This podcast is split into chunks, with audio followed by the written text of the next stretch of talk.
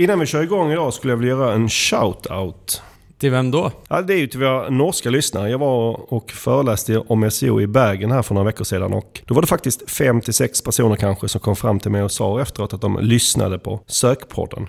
Jaha. Ja, det är väldigt kul att vi har lyssnare i Norge och imponerande att de förstår vad vi pratar om. Till och med dig som skåning, Micke. Ja, precis. Det kanske inte hade väntat mig. Och det kan ju hända att någon kommer fram i Sverige och säger att de lyssnar på Sökpodden. Det är jättekul, men jag hade kanske inte riktigt förväntat mig det i Norge. Så jag tänkte att vi kanske kan dedikera detta avsnitt till våra norska lyssnare och jag hoppas att ni gillar avsnittet. Och tusen tack för att ni lyssnar. Du lyssnar på Sökpodden.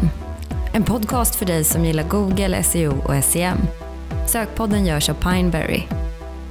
Varmt välkomna till avsnitt 55 av Sökpodden. Mitt namn är Mikael Wahlgren. Idag har jag nöjet att sitta här med Simon Davidsson Tjena, tjena.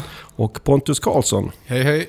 Våra tre ämnen för dagen är Sistrix. Sen fortsätter vi med Google Shopping växer och så avslutar vi med Cookie Geddon.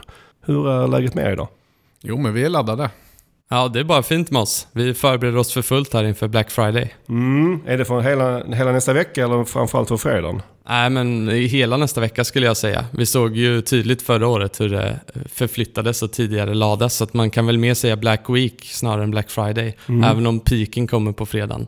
Så det blir en spännande nästa vecka helt enkelt. Ja, Jag nämnde ju lite här i inledningen att jag var och föreläste i Bergen och ämnet där jag, jag pratade om var en SEO-klinik. Det var lite inspirerat här från Sökpodden och när jag förberedde mig för den föreläsningen så insåg jag att eh, det var ett tag sedan vi körde en klinik här i Sökpodden och eh, det var, förra gången var i december förra året så jag tänkte det var dags att göra en på nytt. Det låter väl bra? Verkligen. det tycker jag. Så vi tänker vi kör en favorit i repris då ett år senare i decembersavsnittet, alltså nästa avsnitt, då kör vi en eh, SEO-klinik igen. Och är det så att du är sugen på att vi tittar på din sajt från ett SEO-perspektiv, ja då är det bara att du hör av dig till sokpodden at pineberry.com så kanske det är din sajt vi tittar på i nästa avsnitt. Och eh, med det så är det väl dags att vi rullar igång dagens första ämne. Idag börjar vi prata om SEO-verktyget Sistrix. Eller är det fel att kalla det för SEO-verktyg? Nej, för mig är det ju ett SEO-verktyg, men det går ju även att använda för SEM, men det återkommer vi till lite senare här. Mm. Och vi har ju pratat om andra SEO-verktyg här i podden som RFs och Screaming Frog. Och i båda de fallen har jag hört av mig till respektive företag och frågat om de har- har något som de vill bjuda era, er lyssnare på. Och det har jag såklart gjort denna gång också. Men jag eh, återkommer till i slutet vad, vad Sistrix vill, vill bjuda på. Och, eh, men jag kan säga så mycket att det, det är värt att vänta på.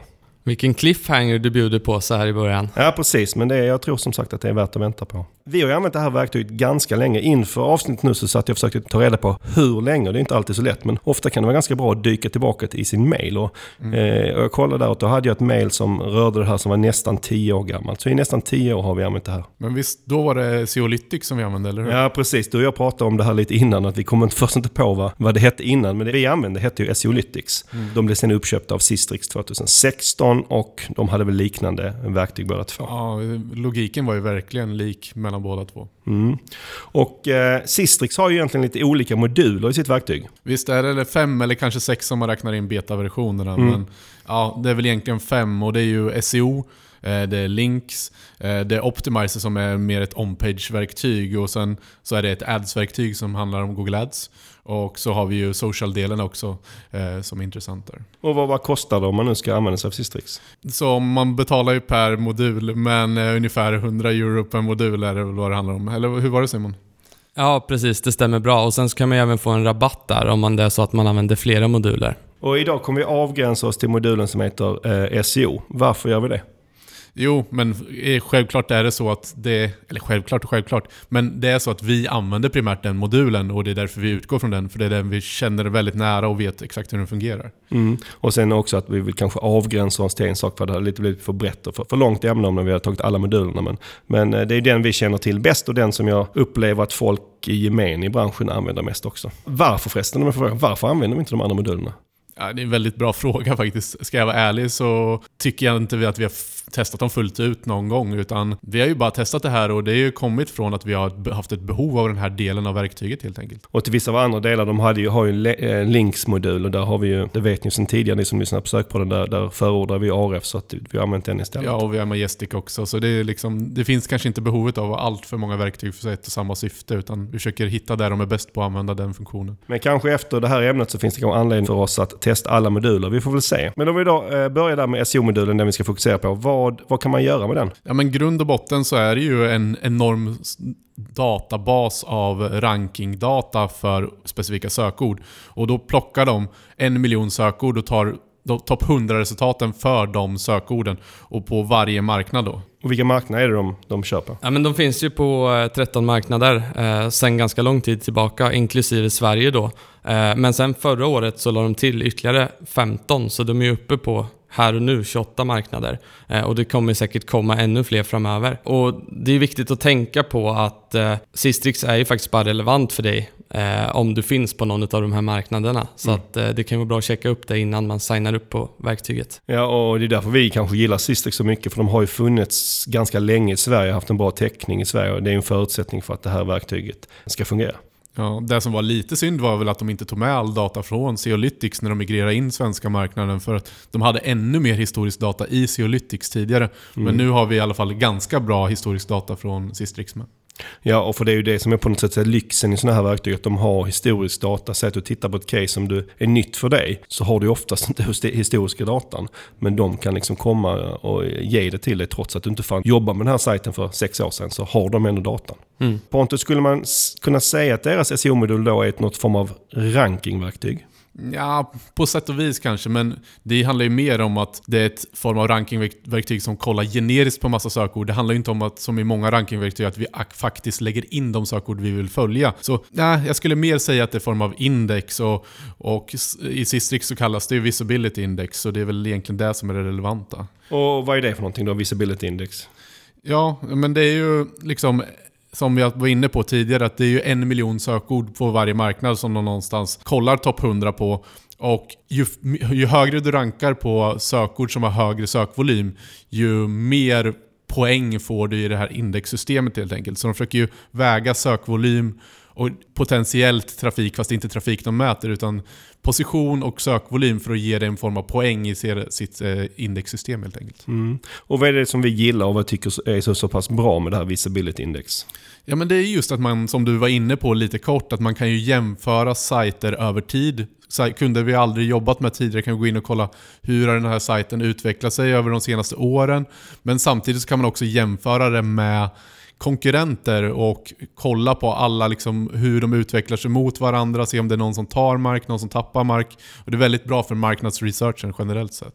En, en sak som är, som, är, som är väldigt bra med det här verktyget är ju liksom att man, man slipper det här med säsonger, eller hur?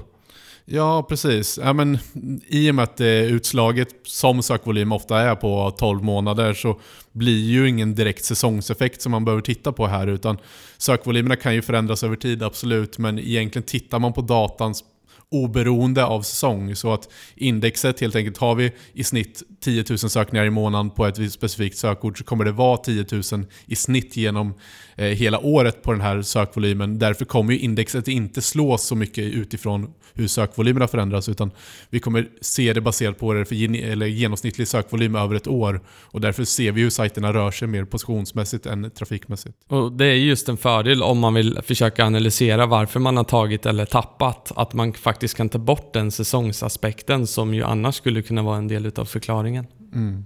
Säsong, det beror på vad man är för typ av sajt, men säsong kan ju ofta ställa till ganska mycket brus i datan. Mm. Och om man då vill hitta någonting, analysera fram någonting, så om man bara kan få bort det, ett av brusen så är det ju väldigt mycket vunnet. Ja men precis.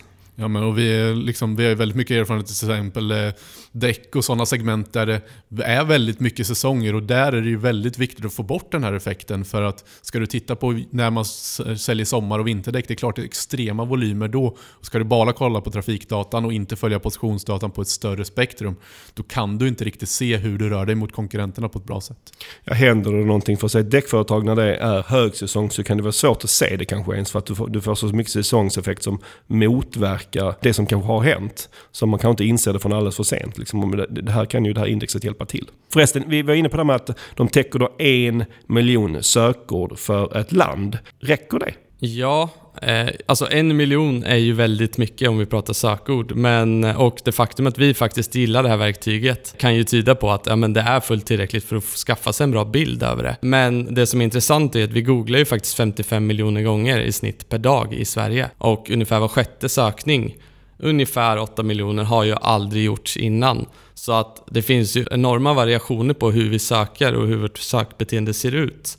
Men eh, samtidigt så vill man ju titta på de sökorden som faktiskt har sökvolymer för att bilda sig en uppfattning. Sistrix själva jämför sig ju med eh, lexikonet eh, Paperback Oxford eh, Dictionary of English eh, som innehåller 120 000 ord. Så i deras värld så är ju en miljon väldigt mycket om man jämför med de 120 000 orden. Ja, jag tycker båda de här jämförelserna är ganska bra. Dels är att jämföra med en ordlista som en riktigt stor brittisk ordlista som är full med ord. Liksom. Där en miljon då är, det är tio gånger så mycket. Ditt annat exempel är också ganska relevant. Att det kommer enormt många nya sökord hela tiden. Mm. Men som du är inne på så kanske de här sökningarna som vi aldrig har gjort innan. Där finns ju nästan ingen volym. Ja, och tittar man, det som jag tycker är intressant med det här att de säger att de har en miljon sökord per marknad. Sverige och en miljon sökord blir ju en väldigt mycket större tyngd i än Tyskland och en miljon sökord om man tittar på att man har samma effekt på att det blir fler googlingar och fler sökord att spela på utifrån att det är fler människor. Så det är också en intressant aspekt i det hela. Ja, verkligen. Det tycker jag också är intressant att väga in här. En liten detalj i det här som man kan läsa på om man går in på Sistrix Sites är att faktiskt Tyskland som är deras första marknad och huvudmarknad, där har de mindre än en miljon sökord. Av historiska skäl, för där de börjar så jag gissar att de inte riktigt hade lika stort index där. Men på alla nya marknader så, så är det en miljon som i Sverige. Så det är vi glada för. Mm, verkligen. Hur och när använder ni Sistrix? I vilka lägen tar ni loggan in på Sistrix och, och kollar? Nej men för mig så använder jag det faktiskt mer och mer och det, det är väldigt kul eh, att känna att man har ett verktyg som man kan utveckla ännu mer funktioner att använda för. Men, men rent allmänt så är det ju att titta på sajter som vi kanske inte har mätning på själva och titta på hur de har utvecklats över tid. Man tar sig an en, inför en pitch eller man tittar på konkurrenter till en kund eller någonting. Och det är ju kanske de aspekterna som är absolut viktigast. Eh, och sen kan man ju väldigt mycket titta också på, uh, man har upplevt att någon har tappat, då kan man använda Sistrix för att försöka lokalisera när hände det här, gamla migreringar när någon har tappat och sådana saker också. Så det, det, finns ju ganska många olika sätt, eller vad säger du Simon? Ja, Ja, verkligen. Eh, just eh, konkurrensanalysen som du nämner, att faktiskt titta på hur ser det ut eh, för oss gentemot våra närmsta konkurrenter med liknande innehåll är ju jätteintressant. Sen fungerar det ju också väldigt bra vid till exempel ett domänbyte för att titta på hur ser index ut före och efter domänbytet. Mm. Eh, har vi tappat någonting eller ligger vi på ungefär samma nivåer? Och sen så är det också väldigt bra att man med Sistrix faktiskt kan titta isolerat på vissa delar utav sajten. För är det så att man fokuserat väldigt mycket på vissa delar av en sajt för att förbättra SEO till exempel, så kanske man vill titta på isolerat på hur den kategorin har utvecklat sig. Och Tittar man på helheten så kan det vara lätt att den kategorin försvinner. Eh, så just den filtreringsmöjligheten tycker jag är bra.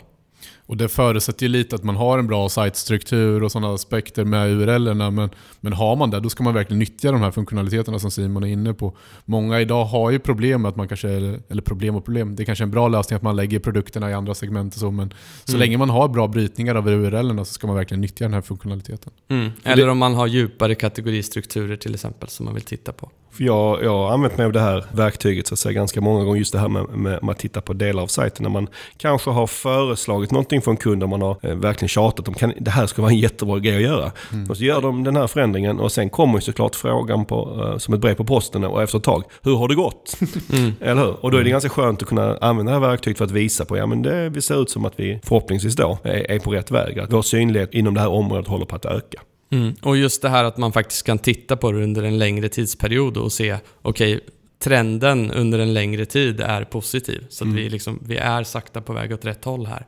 Verkligen. Ja, och det, det, är en sak som jag tycker att det här indexet är, är bra på också. I och med att det är liksom lite utjämnat över tid. I och med att det liksom till exempel tar bort säsong. Att SEO är ju väldigt långsiktigt. Mm. Och det, det, här hjälper till att tänka långsiktigt. Liksom, att man ser på det här i lite längre perspektiv. Mm. Så det är bra.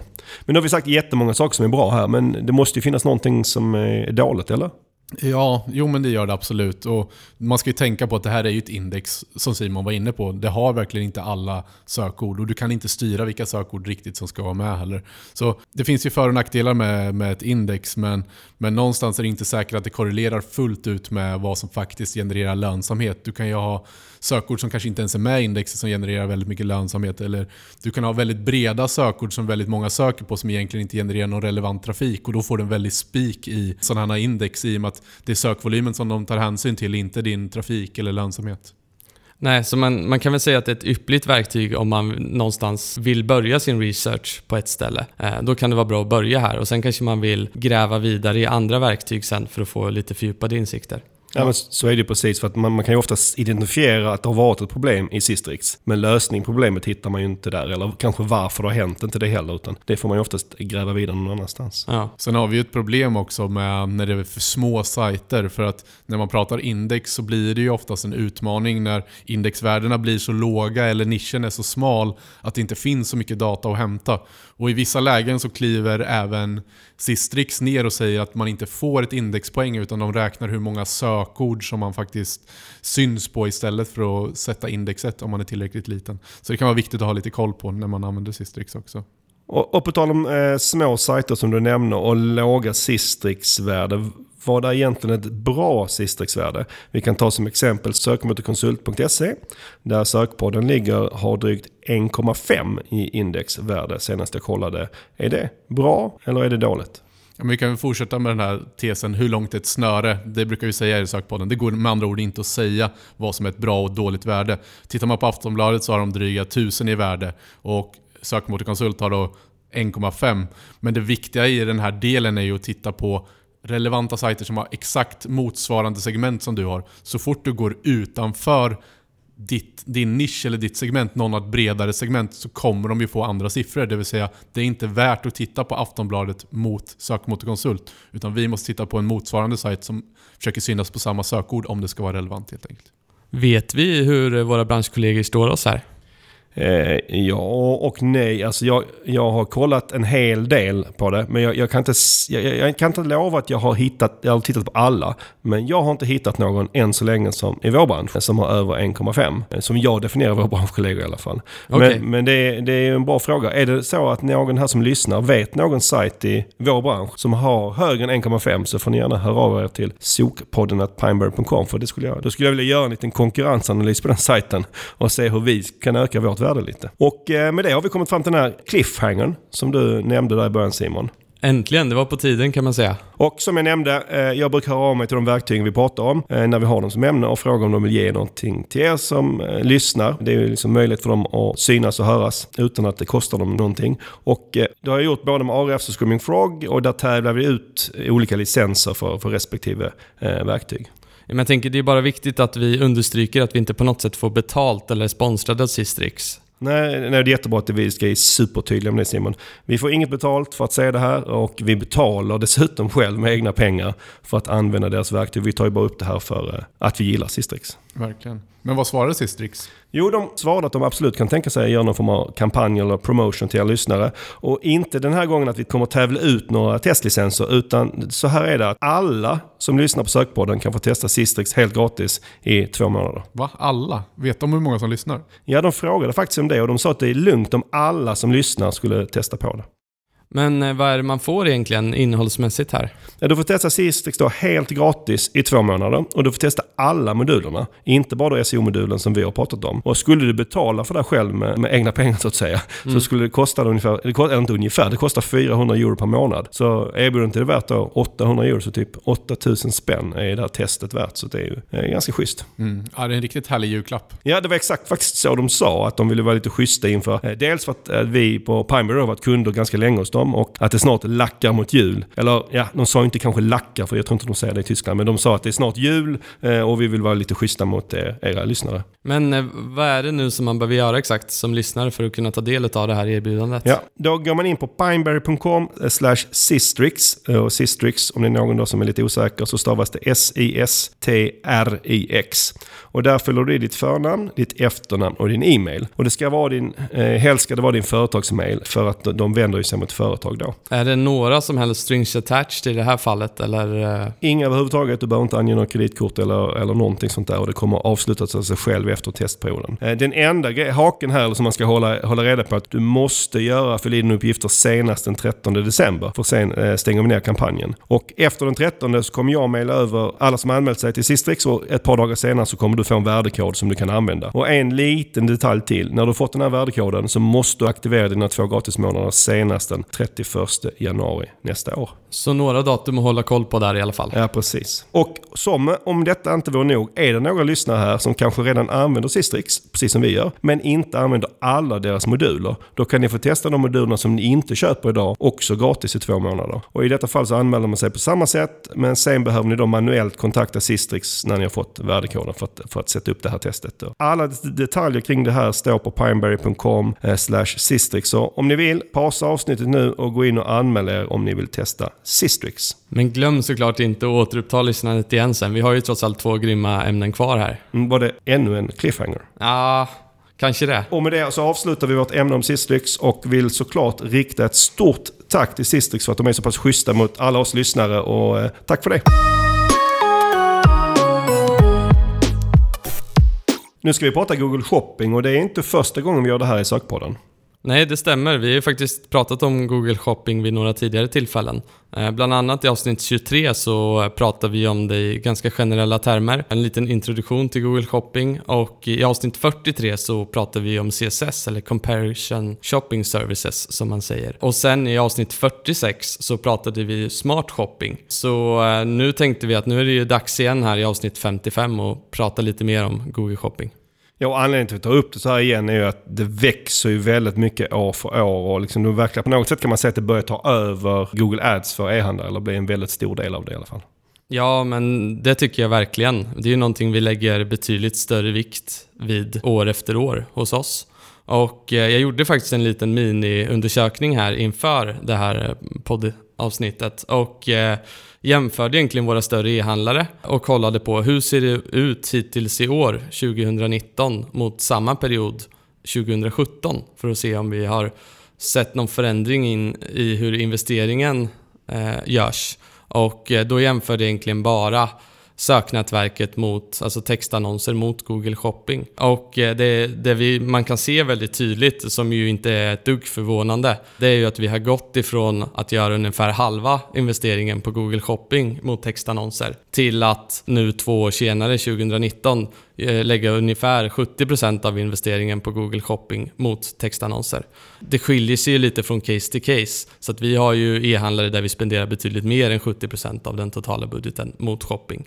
Eh, jag kan säga att jag, jag räknade ju bort YouTube och display i det här. Eh, mm. Bara så att vi... Mm.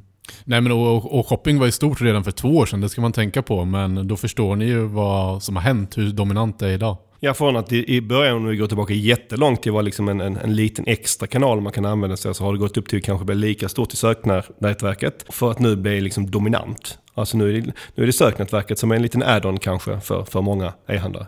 Ja, men det skulle jag verkligen säga att, att, att så är fallet idag. Och eh, ja, det finns ju flera anledningar till det här såklart. Men eh, Eh, dels så har ju Google de senaste åren växlat upp och börjat visa produkter på betydligt fler sökningar än vad man gjorde innan. Eh, det är ju något du kommer ta upp ett exempel på lite senare Micke. Mm. Uh, Inte men... bara med glädje, men visst. Nej, precis. Och sen har ju också i samband med att, att, att kanalen växer så ser man ju också hur beteendet skiftar bland användarna. Och det har ju alltid varit en kanal som konverterar, men det är ju väldigt tydligt att den gör det idag. Och eh, då blir det ju också så att investeringarna flyttas dit i allt större grad. Ja, och där kan man verkligen tänka på att det är ju ett, första gången ett visuellt, en visuell situation i ett sökresultat. Det vill säga vi jobbar med bilder. Mm. Och det är ju väldigt, väldigt intressant att tänka på när shop, man faktiskt jobbar med shopping. Ja, och, och som vi har nämnt här innan när vi har pratat om Google Shopping i sökpodden. Så på något sätt är det lätt att tro, och lite kanske man läser väldigt kort och, och, om Google Shopping. Man tror att det är väldigt automatiskt. Får du bara till den här feeden sen rockar det av sig själv. Men så är det ju inte. Nej, eh, alltså produktflödet blir ju extremt viktigt. Men eh, det finns ju väldigt mycket kring bara produktflödet eh, som man behöver tänka på. Det finns ju väldigt mycket därtill kring strategi och hur man ska tänka i Google Ads när man faktiskt sätter upp den här, de här shoppingkampanjerna. Ja, och det blir väldigt mycket viktigare hur man viktar budgetar och så vidare. Men den avgörande skillnaden mellan shopping och textannonser är ju egentligen att i shopping har vi ju inga aktiva sökord som vi arbetar med, eller hur Simon?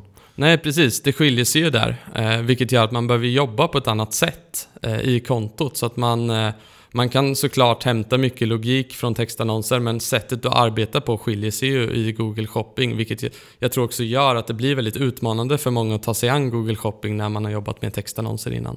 Och Simon, här vet jag att du brukar prata om två olika perspektiv. Och att man kanske lyckas med det ena men det kanske var svårt att lyckas med, med båda två. Och vilka två perspektiv är det du, du brukar tänka på då? Jag brukar väldigt ofta prata om produktperspektivet men även sökbeteendeperspektivet. Och att utmaningen väldigt ofta är att få ihop de här två eh, och lira med varandra. Om vi börjar med produktperspektivet, vad syftar du på här? Med produktperspektivet så syftar jag ju egentligen på produkterna som man har i sin e-handel. Som e-handlare så kan man ju ofta sina produkter utan och innan och man vet vad som säljer bäst, man vet vad man har för marginaler på sina produkter. Och då gäller det ju att använda den här vetskapen för att sen bygga en strategi på Google Shopping. Ja, och det kan vara ibland där, där det brister att man kanske själv har kunskapen men sen gäller det att få över den till Google så att Google kan använda sig av den kunskapen på bästa sätt. Ja, eller som byrå som ska hjälpa dig att applicera det också. Ja, precis. Sökbeteendet, det perspektivet, är det som det låter? Ja, Precis, det gäller att förstå vilka sökningar som presterar bra och då får man ju titta på söktermsnivå eftersom man faktiskt inte har några sökord att jobba med. Utan här är det ju söktermerna man vill titta på och ställa dem mot varandra och förstå vad är det som presterar bra och vad presterar inte bra. För det är ju viktigt att tydliggöra att med, med det sagt så är det ju inte så att man inte ser vilka söktermer, utan man ser ju faktiskt vilka söktermer, men man jobbar inte aktivt med sökorden. Ja, så är det. Och hur, Simon, hur vet man om man får till de här perspektiven eller om man har lite, eh, lite att jobba på här? Jag brukar ju säga att eh, men en sån här liten varningssignal när jag tittar på ett konto, det är ju om man bara har en kampanj för Google Shopping. För då skulle jag säga att det nästan är omöjligt att verkligen få ihop de här två perspektiven. Man måste nästan ha fler kampanjer för att kunna, kunna applicera de här två perspektiven fullt ut. Ett sätt man kan tänka där är att man kan ställa sig två frågor då. Eh, så en fråga för varje perspektiv. Och den ena frågan är eh, då relaterad till produktperspektivet. Och då är det helt enkelt vilken produkt ska man synas på, på vilken sökterm? Eh, det kan ju faktiskt vara så att vi har, ja men vi säger att vi har 50 modeller av eldrivna gräsklippare i vår e-handel. Och eh, om någon söker på eldriven gräsklippare, vilken utav de här 50 produkterna, alla 50 kan ju potentiellt triggas här, men vilken utav de här 50 vill du ska triggas när den sökningen görs? Eh, och den andra frågan som jag tycker man ska ställa sig har ju då med sökbeteendet att göra och det är ju att titta på vilket bud ska jag ha på vilken sökterm? Och för att ta ett exempel här också är ju att eh, vi vet ju att, att eh, beroende på var i fannen man befinner sig så har man ju olika köpintent vilket speglas av att man har olika konverteringsgrader. Eh, så då kan det ju vara så att man har, en, eh, man har ett sökord som är närmare köp och ett som är längre ifrån köp. Vi säger att man ser att gräsklippare är längre ifrån köp än vad eldriven gräsklippare är. Då kanske det är så att man faktiskt är beredd att betala mer för söktermen eldriven gräsklippare än söktermen gräsklippare? Den frågan bör man ju ställa sig i det här fallet. Eh, bockar man av båda de här frågorna, alltså vilken produkt ska synas på vilken sökterm och vilket bud ska jag ha på vilken sökterm, då har man kommit väldigt långt skulle jag säga i sitt tankesätt på Google Shopping. Och lyckas du då, vilket du hela tiden utgår från, att man förstår att det här är affärsmässiga beslut som är baserade på ROAS eller CPA eller någonting. Mm. Det gäller ju bara att återkoppla till att allt vi pratar om är taget på affärsmässiga beslut. Så är det ju verkligen. Det är jätteviktigt att trycka på här. Och Simon, du nämnde att jag skulle dra ett litet roligt exempel och där är vi nu. Och det, det gäller vår egen Google Shopping och för ett, utifrån de här perspektiven. Och då tänker man att i, i det första perspektivet är det inte speciellt relevant för oss, produktperspektivet, för att vi har ju bara tre produkter så det är ganska lätt att veta vad som ska synas på vad.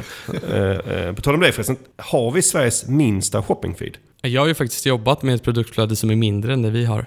Hur många var det? Ja, det var två produkter i det två fallet. Två produkter, så ja. de slår oss med en produkt. Vi kör i det här produktfeeden, ligger egentligen eh, två böcker.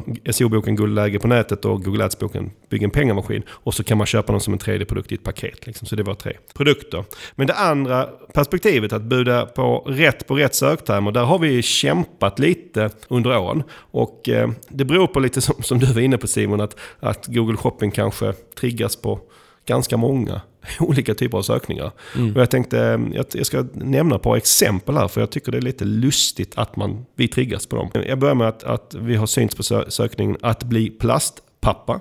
Det känns ju kanske inte helt relevant. Sen har vi synpunkter på barnbok, programmering, bli förälderbok, bok om papper. Ni ser det mycket om föräldrar och papper här. Och sen men också bok om viktnedgång och träning. Och sen bok till Magnus. Den är ju lite rolig kanske för den Magnus Brott har varit med och skrivit den här boken men det är inte riktigt det som är sökintentionen här. Nej, man kan ju undra hur bra Google är på att förstå det här med natural language och BERT och allt som de har lanserat nyligen. Nej, det här, det här är en sån sak som Bert egentligen kanske skulle lösa. att förstå vad den här intentionen är bakom. Och sen har vi syns på bra böcker om kvantmekanik, bra kärleksbok. Tveksamt om det är det. Eh, fotbollsbok, lär dig snickra, läsvärda böcker. Det är ju en kul sökning att synas på. Inte så konverterande då. eh, orientalistisk programmet kursböcker, tyska bok, årskurs, bok om trä och en matbok till slut. Det här är bara lite exempel på sökningar som vi triggas på. Och det som jag då tyckte var lite tröstlöst när jag optimerat det här under de senaste åren är att när man jobbar med vanliga textannonser så känner jag att när man rensar bort negativa sökord så blir det bättre och bättre. Så det känns liksom att ja men det blir bättre. Här är det som att skräpet bara fortsätter. Och det, det är också svårt att förutspå vilket skräp som ska komma. För att jag hade ju ingen aning om att, alltså jag skulle inte kunna tänka mig för ett liv att vi skulle kunna synas på att bli plastpappa. Ja, men det blir ju väldigt bred matchning här. Mm. Eh, det är ju, Google tänker ju, tänker ju brett, så att eh, därför blir det ju att du fångar alla de här sökorden eftersom att ja, bok någonstans finns med i dem. Ja, och det blev väldigt brett och det är kanske därför vi inte använder så mycket vanlig bred matchning för vanliga textannonser. För det är ju det här man vill bort ifrån, men här har du inget val på något sätt. Ja, eh, däremot en sökning som att bli plastpappa, eh, den har jag lite svårt att förklara faktiskt. Ja, den är jättekonstig. Såklart skulle eh, Googles funktioner för automatisk budgivning, som numera är ganska bra, de skulle kunna lösa biffen här för oss för att kunna se till att vi verkligen syns i rätt lägen. Men problemet för oss är att vi har ju för få konverteringar för att den här ska bli riktigt, riktigt bra. Så här behöver vi jobba mer manuellt och där lärde du mig ett bra knep hur vi nu har delat upp kampanjerna, jobbat med prio mellan kampanjerna och i kombination med hur vi prioriterar sökorden och buden då. Då har vi löst det här andra perspektivet så nu slipper vi en stor del av skräpet vilket känns väldigt skönt. Ja, det är fantastiskt. Ja, men kul att du tyckte att det fungerade bra. Det finns ju eh, faktiskt bra manuella sätt att, att, att gå runt det här. Man måste inte använda ett automatiserat en automatiserad budgivning, även om, om det kan vara bra att göra det också. Mm. Eh, för att någonstans uppnå lite bättre relevans och att faktiskt vikta de här enskilda söktermerna mot varandra. Som ju, det ju faktiskt är det du har gjort här. Att du, du har valt ut vilka söktermer är viktiga och relevanta för mig. Vad vill jag lägga ett högre bud och vilka söktermer vill jag lägga ett lägre bud på? Bra, och på tal om att vår feed är så liten så vill jag här också ta upp en sak som handlar om motsatsen. Många eh, e-handlare har ju tusentals och åter tusentals produkter i sina feeder. Och förra månaden så var jag på SMX i Berlin där jag lyssnade på en britt som heter David Walker som hade ett intressant men lite annorlunda kanske syn på Google Shopping som jag tänkte vi skulle prata om. Och han hade kommit fram till och hade känt som han hade jobbat väldigt mycket med det här så att det var väldigt förtroendeingivande. Han hade kommit fram till att små kurerade shoppingfeeder presterar bättre än feeder som innehåller alla produkter. Och han var kanske inte då inne på att man bara skulle ha tre produkter som vi har. Utan mer det att om du, han sa, han hade en tumregel att man skulle ha 1% av sina produkter i feeden. Så säg att du har 10 000 produkter i ditt utbud. Då ska du välja ut, noga välja ut 100 stycken och det är de du ska ha i din shoppingfeed. Och syftet från hans perspektiv är att få bättre kontroll över saker som bildkvalitet, säljaromdömen, prisstrategier och så vidare. Vad säger ni om den här strategin? Håller ni med David eller tycker ni att det är lite knasigt? jag gillar ju att han eh, att han förordar det här någonstans. För att det visar just på den här poängen att jag kan tycka att man idag lägger alldeles för stor vikt vid alla produkter. Sen kanske 1% är lite extremt i mina ögon. Jag kanske hade velat eh, jag brukar prata om 80-20-regeln, att vi kommer ha 20% av våra produkter Eh, som driver 80% av våra intäkter. Så att stanna vid 1% kanske är lite väl lite, men eh, man bör ju definitivt ha det här tänket som han är inne på, att titta på vilka produkter är det som driver min försäljning och att det är där man ska lägga fokus just när man jobbar med flödeskvalitet, eh, optimering av produktflöde till exempel, men även hur man sen applicerar in det här i en strategi på Google Shopping. Nej, men jag tror också precis som dig Simon att man måste foka på, för man kan inte foka på 10 000 produkter utan man måste ju foka på några. Men mm. jag är rädd för att om man tar bort övrigt, det kan ju handla om konkurrenssituationen är lägre i Sverige, vilket vi oftast jobbar i. Men det som är... Nu ringer Simons telefon här. Ska du svara Simon? Det var, in, det var inte Google ja. eller? Nej, det okay. var... Det var, det var, det var inte jobbrelaterat. Okej, vad, vad skulle du säga Pontus? Ja, nej men det jag skulle säga var ju att det som eh, är viktigt att tänka på här är att man inte tappar tailen helt enkelt. För att risken med om man tar bort produkterna helt är att man är på en marknad som Sverige där konkurrenssituationen kanske inte är lika tuff som UK eller liknande. Där man faktiskt kan vinna mycket på tailen på att synas på många av produkterna. Men man måste fokusera på några produkter för att generera maximala resultat på de produkterna. Och där är ju som vi säger, det är prisstrategi, det är bilder, det är feed-optimering, alla de aspekterna som det gäller att jobba med. Hans poäng var ju, och det kanske det beror på lite vilket segment man jobbar i, men han tog ett exempel, säg att du säljer kläder och sökningen vit skjorta. Då sa han, det, är så, det viktigaste när du, när du visar upp där är att du har en superbra bild. Och har du då 200 skjortor, vita skjortor, så kan du inte, har du inte tid eller pengar att ta fram perfekta bilder för alla. Utan du väljer en och så ser du till att den har väldigt konkurrenskraftigt pris. För sen är ju hans logik att det är kanske inte den skjortan som någon köper sen. Utan du vill ju bara ha klicket. Så att du sen kommer in till sidan med de här hundra olika vita skjortorna.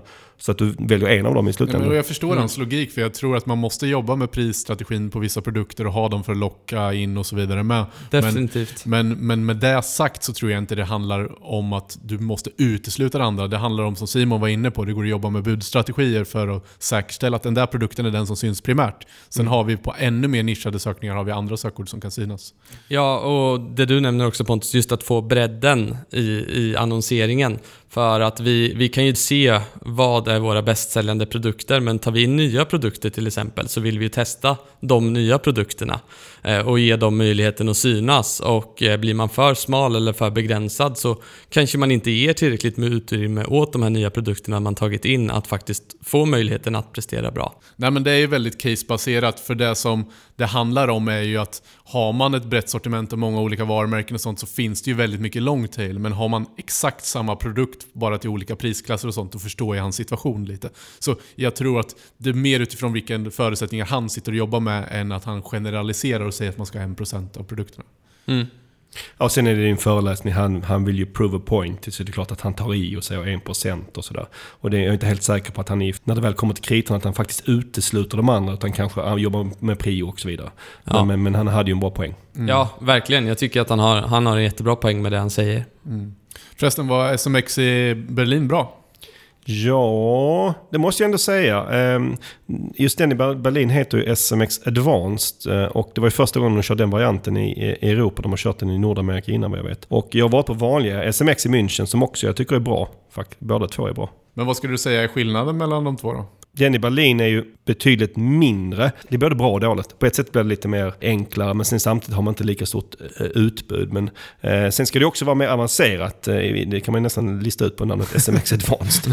eh, och det, och det måste jag nog säga att det var. Liksom, att det var vissa föreläsningar som var liksom, man kände att det här måste man verkligen koncentrera sig för att hänga med. Så att, Det är kul. jag kan rekommendera båda två, både SMX i Berlin och i München. De är, de är bra konferenser. Och eh, med det så lämnar vi Google Shopping för denna gång. Men eh, med tanke på hur mycket det växer så är det nog bara en tidsfråga tills vi återkommer till det här i podden. Idag avslutar vi med att prata om Cookie-Geddon, kriget mot kakorna. Vad är det för krig egentligen? Ja, men det handlar ju om att Apple för något eller några år sedan gick ut med att lansera ITP för Safari. Och ITP står då för Intelligent Tracking Prevention. Eh, ITP har kommit några olika uppdateringar efter det och det har ju varit en kontring mot adtech-bolagen som någonstans där de hela tiden uppgraderat sin, eh, men sin eh, teknik helt enkelt för att följa cookiesarna. Ja, precis. Eh, det har ju varit en battle mellan Apple och det som då, de olika företag som påverkas av de här förändringarna. Och detta är ju minst sagt tekniskt. Och det, det tekniska det tänker vi att vi lämnar till andra för att prata om och förklara. För de är betydligt bättre på det än, än vi. Och vi kommer att fokusera hur detta kakkrig eh, påverkar oss som eh, jobbar med marknadsföring. Ja, jag vill flika in att det finns många webbanalytiker som har bättre koll på det än, än vad vi har. Men vi vill ändå prata om det här för vi tycker att det är viktigt att prata om i sådana här sammanhang. Och det har ju varit en hel del turer fram och tillbaka som vi sa med de här olika versionerna. Eh, och vi, om vi ska förenkla det, var står vi just nu? Pontus? Ja, men vi, vi står i en situation där livstiden för kakor eller cookies i Safari har begränsats betydligt. Och eh, i det bästa fall kan det vara sju dagar, men, men det förutsätter att Safari inte tror att de, det finns någon funktionalitet för att mäta trafiken mellan sajterna. För om det är så att de eh, har någon sån så här, tanke om att de mäter trafiken mellan sajterna så är cookie ner på 24 timmar. Och det är det som är intelligent tracking prevention, att de tittar på huruvida det, det finns någon tracker från Google eller Facebook eller liknande som, som helt enkelt försöker mäta trafiken mellan sajterna. Som en liten parentes här så kan vi väl säga att Firefox faktiskt gjort något liknande som Safari, är det inte så? Jo, precis. De har en liknande lösning har de. Precis, och de kallar ju sitt IPT för ETP för att bara krångla till det lite. Men hur kan det här då påverka oss som jobbar med marknadsföring rent teoretiskt? Ja, men det påverkar ju oss på så sätt att mycket är ju cookie-styrt fortfarande idag och det förändrar ju någonstans attributionen, det vill säga hur länge vi kan följa användarna mellan olika plattformar eller mellan olika kampanjer och liknande. Så det är ju liksom kortar ju tiden på hur länge vi kan jobba med användarna i självaste säljtratten. Så till exempel då direkttrafik kan teoretiskt sett få fler konverteringar, tänker jag rätt då? Ja, precis. Det beror ju på, om man tittar i Analytics så beror det ju på last non-direct click där de inte kan attribuera tillbaka till föregående källa. Så då blir det ju fler konverteringar i direkttrafik. Mm. Eh, sen innebär det ju oftast att det kan bli svårare att jobba med remarketing och retargeting för att listorna har ju en begränsad tid i cookie-längd och det är ju den typen av situation vi kan hamna i. Och sen hamnar vi också i en situation där vi får fler users i Analytics och fler nya användare, eller new users, eftersom just cookien som de kan koppla samman användarna med blir också kortare. Och det blir kortare fönster för att koppla ihop användarna i Google Analytics helt enkelt. Så det gäller att ha koll på de här siffrorna i sitt, sina analysverktyg helt enkelt.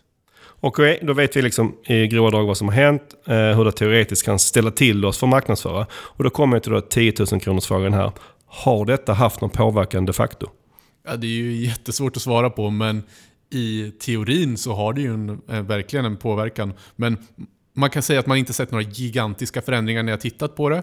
Man ser mindre förändringar, men sen är det ju alltid svårt i och med att det är olika tidsperioder vi tittar på. Härleda, beror det på det här eller beror det på något annat? Men vi följer ju såklart det här hela tiden, för det är viktigt för oss och våra kunder.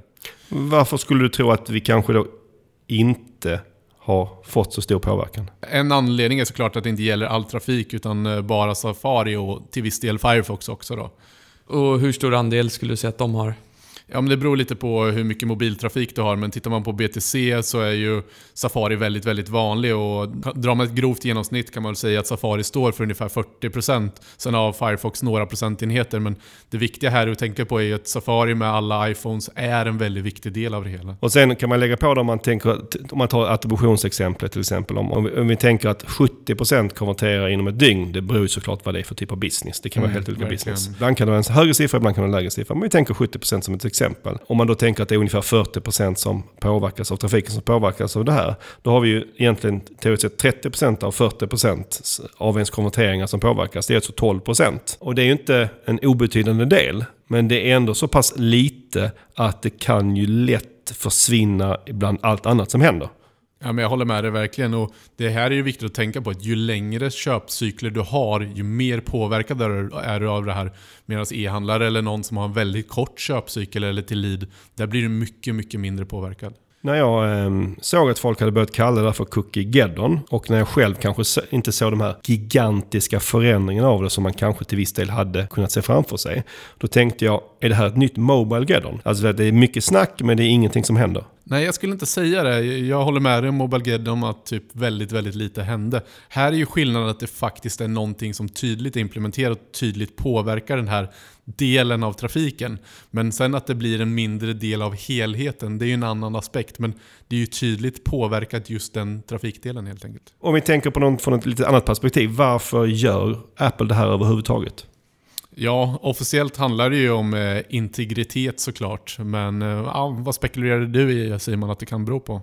Ja, men det är alltid kul att få spekulera lite. Vi brukar ju gilla att göra det här på Sökpodden. Men eh, om man ska spekulera, jag tror ju inte att Apple direkt är ledsna över att det ställer till det lite för, för Google och Facebook här. De är ju antagonister sedan länge och jag tror absolut inte att det är en av anledningarna, men eh, det är väldigt intressant att det, det faktiskt ställer till det en del för, för de andra. Ja, för det är ju inte, det vet ju Apple också att både Google och Facebooks affär står till viss del och hänger på huruvida man kan mäta och annonseringsdelen av sina affärer helt enkelt. Och Apple är ju inte alls lika beroende av det. Så att, att de skulle kunna ha det som en faktor i att de väljer att göra det här är inte helt omöjligt. Nej, det hade Apple haft en lika stor annonsaffär så är det inte självklart att de hade lanserat ITP. Och, och på tal om det, Chrome då som ägs av Google, eh, kommer de gå samma väg som Safari? Ja, de har ju gått ut och aviserat att de vill göra vissa förändringar men de är ju långt ifrån lika långt gående. Och där kan man ju bara tänka sig att de kanske håller lite mer på det och ja, vi får se vad som händer helt enkelt. Och rent krasst så alltså, är det väl säga sig själv att de människorna som jobbar på Chrome, de är ju lika intresserade av integritet som de som jobbar för, för Safari. Det handlar väl mer om att eh, de som betalar deras löner kanske har andra incitament till att göra den här förändringen eller inte. Ja, och det känns ju som att om man får spekulera igen så känns det som att de kanske kommer svara på något sätt på det här, men att de kanske inte riktigt kommer ta det hela vägen, utan Nej. att de kommer gå en bit på, på vägen. Eh, eller vad tror ni? Ja, jag tror samma sak. Ja, jag tror samma sak. De gör någonting men de kanske inte går så extra. De gör någonting som, som skyddar deras egen annonsaffär på något sätt. Ja. Eh, en, en, sak som jag tycker är lite intressant här när man snackar Google och Facebook. För att när nyheten kom ut om att Apple skulle införa ITP, då gick ju vissa adtech-bolag som till exempel Criteo ut och vinstvarnade. Det är ganska mm. extremt. Alltså det är tecken på att det här är en ganska stor, stor sak. Eh, och det är inte så kanske konstigt i Criteos fall för att hela deras business, eller i alla fall en väldigt stor del av deras business bygger på retargeting. Och som du Pontus var inne på, retargeting och remarketing, det är ju en av de sakerna som är mest påverkade av den här förändringen. Jag har följt Criteo lite efter det och om man ska vara rent krass så har de kanske inte, om man tittar på deras resultat och sådär, omsättning, har de inte drabbats så mycket som man kanske kunde tro när de vinstvarnade. om det beror på att ITP inte har haft så stor effekt eller de har varit bra på att anpassa sin produkt till att inte vara så cookieberoende. Det vet jag inte, det får vi låta vara osagt. Men den funderingen jag har är att om man ser på Google och Facebook så har de under samma period, de har inte påverkats intäktsmässigt. De har ju bara liksom tjänat pengar precis som vanligt, eller hur? Nej men och man, man, kan ju tänka att det ändå påverkar dem, men det syns inte bland allt annat som händer med tanke på deras produktutveckling och så vidare och deras affärer helt enkelt. Och min lilla fundering är att, att, att kan man tänka sig att ITP skulle kunna vara bra för Google och Facebook? För då tänker jag liksom att de är ju inte lika cookieberoende som andra annonsplattformar som Criteo.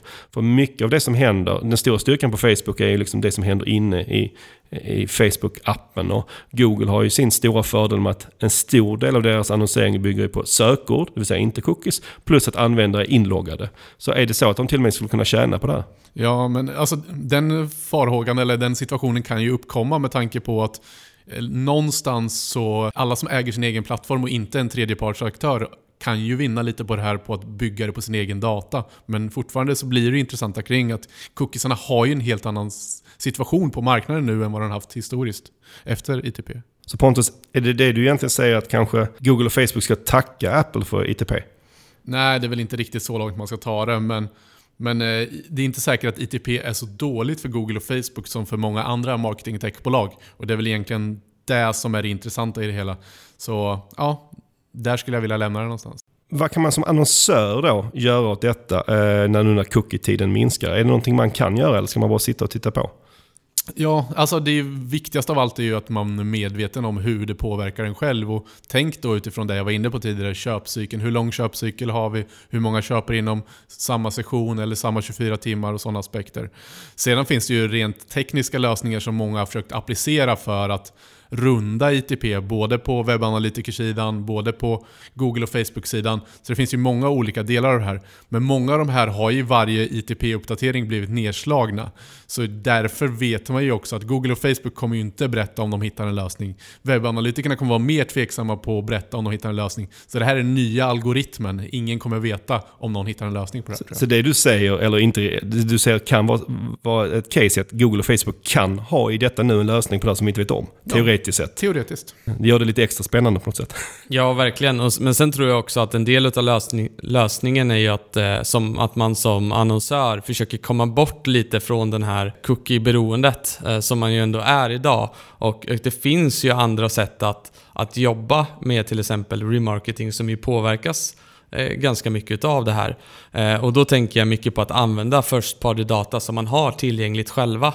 Eh, det kan ju till exempel vara e-mailadresser till exempel, som vi ju använder i väldigt stor utsträckning idag. Och det är också någonting som jag uppfattar mycket från Google, att man, man lägger mycket fokus på, i alla fall från Googles sida, att bli bättre på att att använda den typen av data. Alltså att till exempel bygga lookalike målgrupper på Google, på exempelvis fysiska adresser eller e-postlistor och så vidare. Så den delen tror jag kommer bli väldigt viktig framöver att jobba vidare med.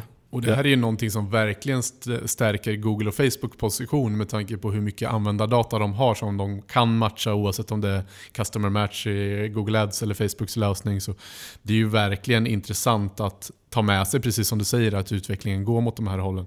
Men också att man kan koppla i samman användare som fyllt i ett nyhetsbrevsformulär och sen veta att det är samma användare som kommer tillbaka i senare när de fyller i någon annan typ av information. Så det mm. finns ju många olika sätt att koppla ihop det här. Och det finns ju säkert någonting i det här som jag såg att Aftonbladet till exempel gick ut och sa att de skulle få gratisanvändarna inloggade.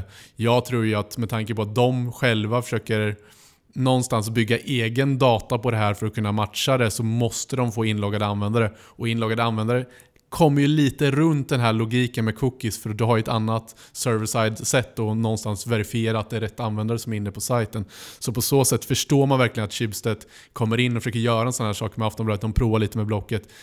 Så många av de här stora mediehusen måste hitta andra lösningar på problemet helt enkelt. Mm. Ja, jag läste den artikeln efter att du hade tipsat mig om den och det stod ju helt, de, de sa ju rakt ut att de gör det här för att bli mindre kakberoende. Och det är väl det det handlar om. att man får, Hela den här ITP-utvecklingen handlar om att, att, att konsekvensen blir att många måste tänka nytt. Liksom. Mm. Hur, det... man, hur, man, kan göra saker som man kunde göra med kakor fast på ett annat sätt. Mm. Ja, men det ställer ju lite högre krav av oss annonsörer att hitta, hitta andra sätt att lösa det på helt enkelt. Mm. Och med de avslutande tankarna så äh, lämnar vi kakkriget för idag och det är väl hög tid att vi rundar av dagens avsnitt. I förra avsnittet nämnde vi att vi på Pineberry sökte någon med erfarenhet av Facebook-annonsering. nu har vi rekryterat den personen och det är jättekul.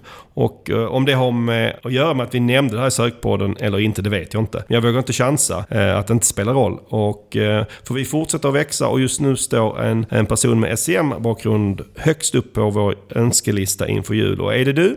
Och, och om du är intresserad av att jobba med oss på Pineberry då går du in på jobb.pineberry.com. Och glöm nu inte heller att gå in på pineberry.com Slash sistrix om du inte redan har gjort det och du är sugen på att testa gratis i två månader. Och gör det senast till Lucia, det vill säga den 13 december. Och jag vill också påminna om att vi nästa avsnitt eh, kommer att köra en SEO-klinik. Och vill du att vi kollar på just din sajt, då hör du av dig till sokpodden at pineberry.com. Detsamma gäller såklart om du har något annat du vill berätta. Kanske att du gillade dagens avsnitt eller att du inte gillade. Oavsett, hör av dig. Ja, och sist men inte minst får ni inte missa SEO-snack som är 28 november också. Det vill säga dagen innan Black Friday här på Kungsgatan 53 på Scandic där. Så jag hoppas att ni, ni, som är i Stockholm eller ni som har möjlighet att komma vägen förbi, gå in på seosnack.se och lägg till er i Facebook-evenemanget så får ni all information. Det är en perfekt tillfälle att prata om hur Black Week gått hittills och värma upp inför den sista avslutande finalen på Black Friday helt enkelt. Verkligen. Verkligen, det tycker jag. Tusen tack för att du har lyssnat idag. Sköt om dig tills vi hörs nästa gång. Ha det bra. Hej hej.